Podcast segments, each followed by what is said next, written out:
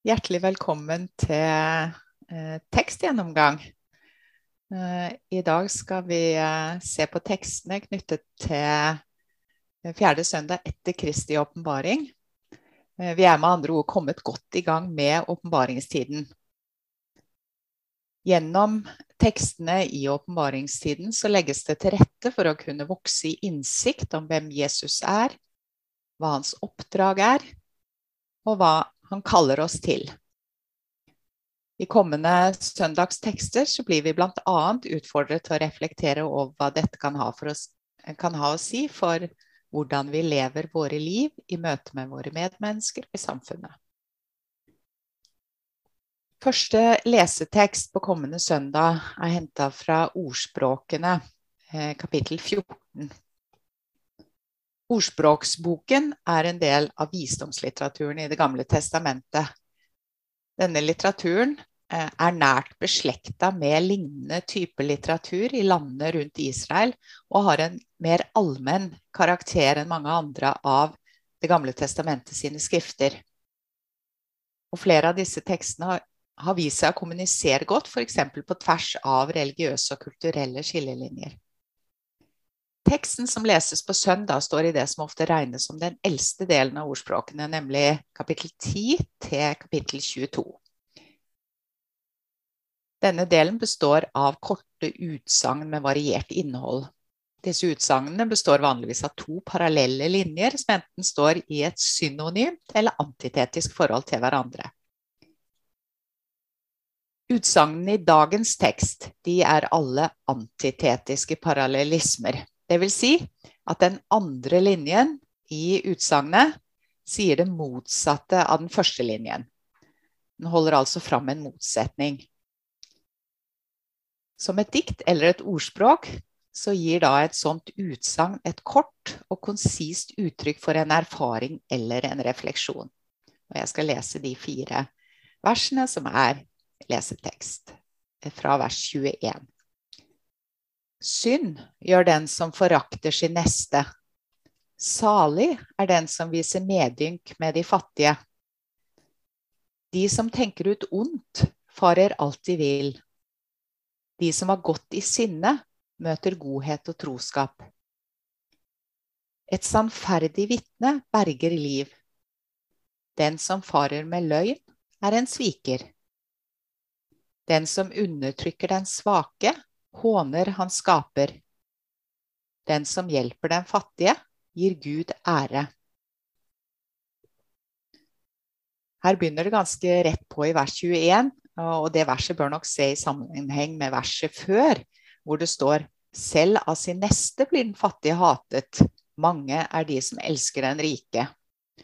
Her, her finner vi en beskrivelse av hvordan ting ofte fungerer. Det å være fattig eller rik, det skaper forskjeller i det sosiale liv. Mange vil være venner med, holde seg inne med de som er rike. Fattige blir sett ned på, foraktet, hatet. Og vers 21, altså første verset i leseteksten, følger opp med en kritikk av denne behandlingen av og holdningen til eh, nesten eller den fattige eller de fattige. De som forakter sin neste, kalles syndere. Og som kontrast til de foraktfulle settes de barmhjertige opp. De som vester medynk, de er salige. Og her kan vi tenke på bergprekenens Makarios. Salige er de. Gud identifiserer seg med sin skapning. Den som undertrykker den svake, håner hans skaper. Den som hjelper den fattige, gir Gud ære. I Det nye testamentet så kan vi jo her tenker på domsteksten i Matteus 25, hvor Jesus sier det dere gjorde mot en av disse mine minste søsken, har dere gjort mot meg. Den andre lesteksten er hentet fra Filippebrevet, kapittel 1, vers 20. Min lengsel og mitt håp er at jeg ikke skal bli til skamme i noe, men at Kristus, nå som alltid, skal bli opphøyd for alles øyne ved min kropp, enten jeg skal leve eller dø. Paulus skriver brevet til menigheten i Filippi mens han sitter i fengsel, enten i Efesus eller Roma. Han vet at han kan bli henrettet, men håper og tror at han skal bli satt fri. Men hans håp er uansett hva som skjer med han, så skal Kristus bli æret.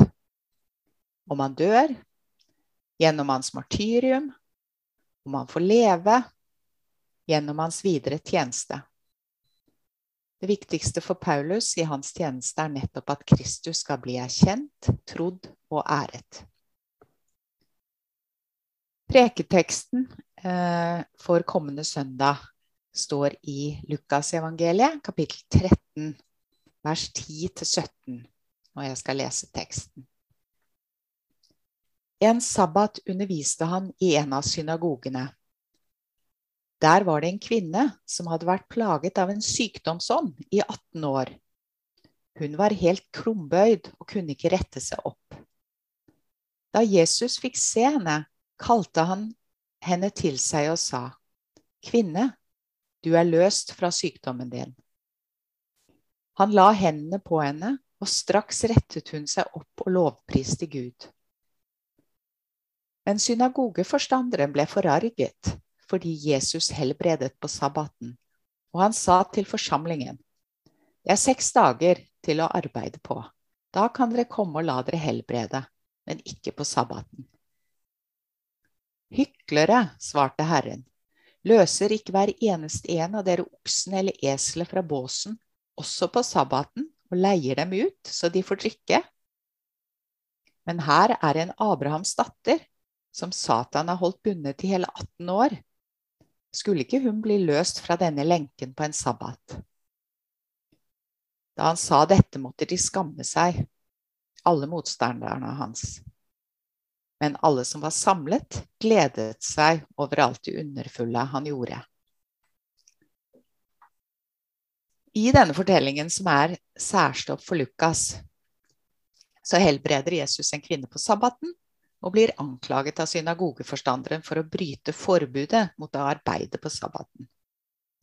Jesus slår kraftig tilbake mot anklagene med å vise at hans anklagere jo leder sine dyr til vann slik at de kan drikke, også på sabbaten. Første del av teksten forteller altså om en helbredelse av en syk kvinne i en synagoge på en sabbat.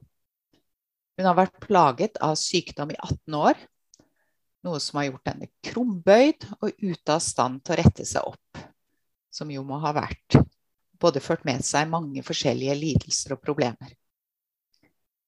I denne fortellingen er det Jesus som tar initiativ til helbredelsen. Han ser henne, han kaller henne til seg, legger hendene på henne, og hun kan rette seg opp igjen.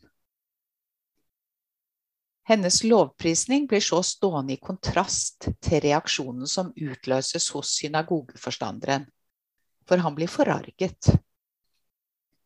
Interessant nok henvender han seg til forsamlingen og ikke direkte til Jesus og kritiserer dem så kanskje har Jesus, truk, Jesus trukket mange mennesker til sabbaten denne dagen som ønsker å bli helbredet. Jesus konfronterer sine kritikere med deres egen praksis, deres egne handlinger. Han slår eh, tilbake mot anklagene ved å vise til at hans anklagere jo også jo leder sine dyr til vann, slik at de kan drikke, også på en sabbat.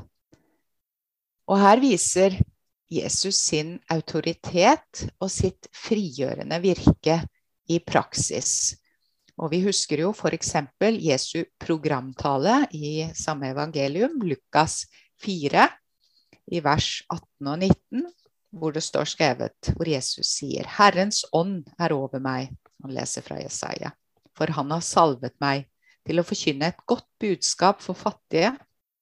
Han har sendt meg for å rope ut at fanger skal få frihet og blinde få syn igjen, for å sette undertrykte fri og rope ut et nådens år fra Herren.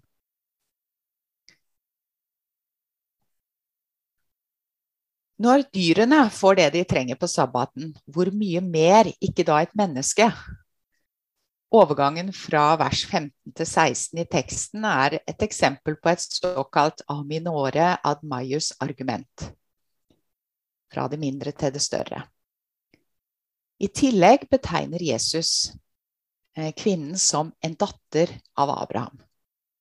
Det er ikke en tilfeldighet. Her understrekes hennes tilhørighet til Guds folk, eh, utvalgt i Abraham, i løftet til Abraham. Videre åpner betegnelsen av datter av Abraham opp for å tolke kvinnens helbredelse av Jesus som en realisering av løftet gitt til Abraham. Og i Lukasevangeliet så ser vi f.eks. i eh, tekster i Lukas 1, Marias lovsang f.eks., referanser til dette løftet. Som alltid så er det mange muligheter for en preken, da tekstmaterialet er så rikt og mangefasettert. Eh, med Lukas 13 som prekentekst og med ordspråks- og filippebrevstekstene som bakteppe eh, åpner denne søndagen f.eks. opp for å fokusere på vårt diakonale kall og sosialetiske engasjement som kristne. Tekstene åpner både for gode eksempler og for å gå dypere inn i begrunnelsen for dette engasjementet og for kallet. Det går f.eks. an å ta utgangspunkt i eksempler fra ordspråksteksten og antitesene der, og reflektere over hva det rent konkret vil si å vise godhet og barmhjertighet. Hva det vil si å fremme sannheten. Hva det vil si å hjelpe den fattige til sin rett, både lokalt men også med tanke på at vi er en del av et verdensvidt fellesskap, en verdensvid kirke. Videre så tenker jeg at det også er mulig i denne prekenen å sette et kritisk lys både på holdninger og handlinger som bidrar til urettferdighet og til å holde mennesker nede. Og her er det jo også eksempler fra ordspråksteksten det går an å bruke. Forakte sin neste, tenke ut ondt mot andre, fare med løgn, undertrykke. Og det er også mulig å ta et oppgjør med eller diskutere en type rettroenhet eh, som vi kanskje rammes av, de fleste av oss, som ikke lar seg utfordre og berøre av menneskers nød, men som blir mer opptatt av å følge lover og regler.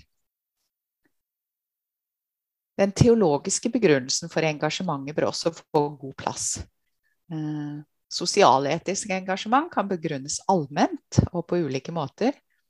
Men med utgangspunkt i dagens tekster vil jeg både snakket om dette med utgangspunkt i skapertanken, eh, jf. ordspråkene 'Den som undertrykker den svake, håner han skaper'. 'Den som hjelper den fattige, gir Gud ære'. Og ikke minst med utgangspunkt i perspektivet på Kristus som frigjører og forløser, som, som Lukas-teksten eh, åpner opp for.